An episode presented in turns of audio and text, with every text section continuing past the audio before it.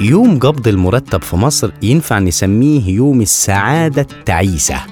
ليه بقى؟ الموظف من دول ياخد مرتبه باليمين ويصرفه بالشمال. إيش احتياجات؟ إيش ديون؟ بس مفيش سعادة فيها تعاسة زي اللي حس بيها سعيد محمد زكي شارو. الراجل ده بسببه نمط قبض المرتبات في مصر اتغير سنة 1964 قبل سنة 64 كان نظام القبض بيمشي إزاي؟ إن صراف الشركة بياخد توكيل من الشركة ويروح بيه للبنك وياخد الفلوس. بس بعد حادثة سعيد محمد زكي شارو اتلغى النظام ده على يد المحامي يحيى عبد الخالق العدل ووكيل نيابة شمال القاهرة جمعة سراج. قدموا اقتراح يلزم الشركات إنهم يعملوا وثيقة تأمين على الصراف لما يشيل المبالغ ضد السرقات والحوادث. ويتخصص حارس من أمن الشركة يرافقه من البنك لحد مقر المدير المالي. كل دي بسبب سعيد شارو. طب مين سعيد شارو ده وعمل إيه؟ سعيد محمد زكي شارو شاب من مصر الجديدة كان ساكن في العقار رقم واحد في شارع أبو بكر الصديق. متجوز ومعاه ولد وبنت. كانت شغلته متعهد عمال بوفيه لنوادي مصر الجديدة من سنة 63 لما مؤسسة التأمينات طلبت منه إنه يدفع تأمينات قيمتها 873 جنيه مستحقة لعمال البوفيه ساب الشغل. جات له فرصة إنه يشتغل فكانت الفرصة إنه يشتغل صراف تبع الشركة المعدنية لمنتجات الزهر في عابدين في إبريل سنة 64 بمرتب 27 جنيه. سعيد محمد زكي شارو ما كملش في شغلته دي أكتر من أربع شهور. ما استقالش. وما سابش الوظيفة دي علشان خاطر شايف إن المرتب قليل بس ساب الشغل علشان خاطر يسرقه. يوم 27 8 سنة 64 راح سعيد شارو لبنك اسكندرية علشان يتمم عملية قبض المرتبات. بتاعة موظفين شركة الزهر عن شهر أغسطس بقيمة 11 ألف جنيه متوزعة على 14 شيك. سعيد طلع الصبح لحد الساعة 6 بالليل ما كانش وصل مقر الشركة. أديب حنا سابا المدير المالي للشركة المعدنية لمنتجات الزهر في عابدين قرر إنه يقدم بلاغ لجسم الشرطة. العقيد محمد سعيد حجازي والرائد أحمد فؤاد تولوا مهمة البحث ونشروا صورة سعيد في جريدة الأهرام. بالحسبة الأمنية ممكن نقول إن شارو ده يا إما مقتول يا إما اتسرق. من الحيثيات الأسرية محدش كان مصدق من عيلته ولا حتى يتخيل إنه ممكن يطلع حرامي. بس التكهن بتاع إنه اتعرض للسرقة ما بجيش مقنع لأنه هو ما ظهرش وبلغ.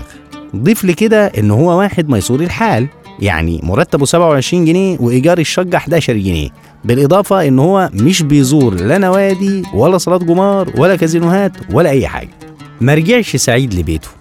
راح لوسط البلد واختار شقة في العمارة رقم 17 في شارع طلعت حرب علشان يأجرها من صاحب البيت منير عبد الشهيد كان موظف في بنك مصر. جاب له شارو بجلابية بيضة وغترة خليجية واتكلم بلهجة كويتية على أساس إن هو عاوز يبات في الشقة دي ويأجر.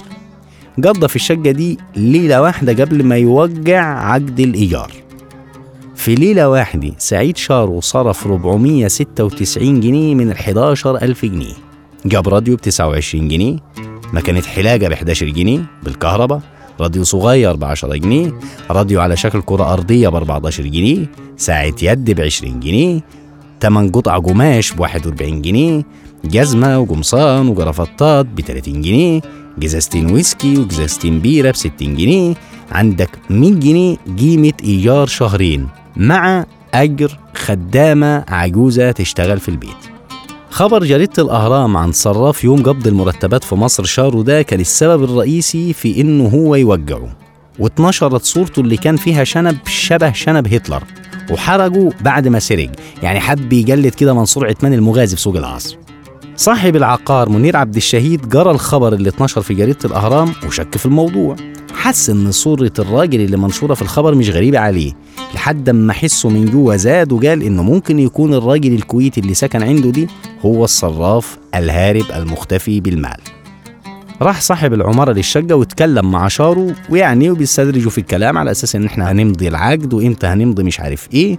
شارو اتكلم بكام لهجة كده كويتية ما عرفش يتكلم بيها كويس فالراجل تأكد انه هو ده الراجل الهربان فقرر إنه يبلغ عنه.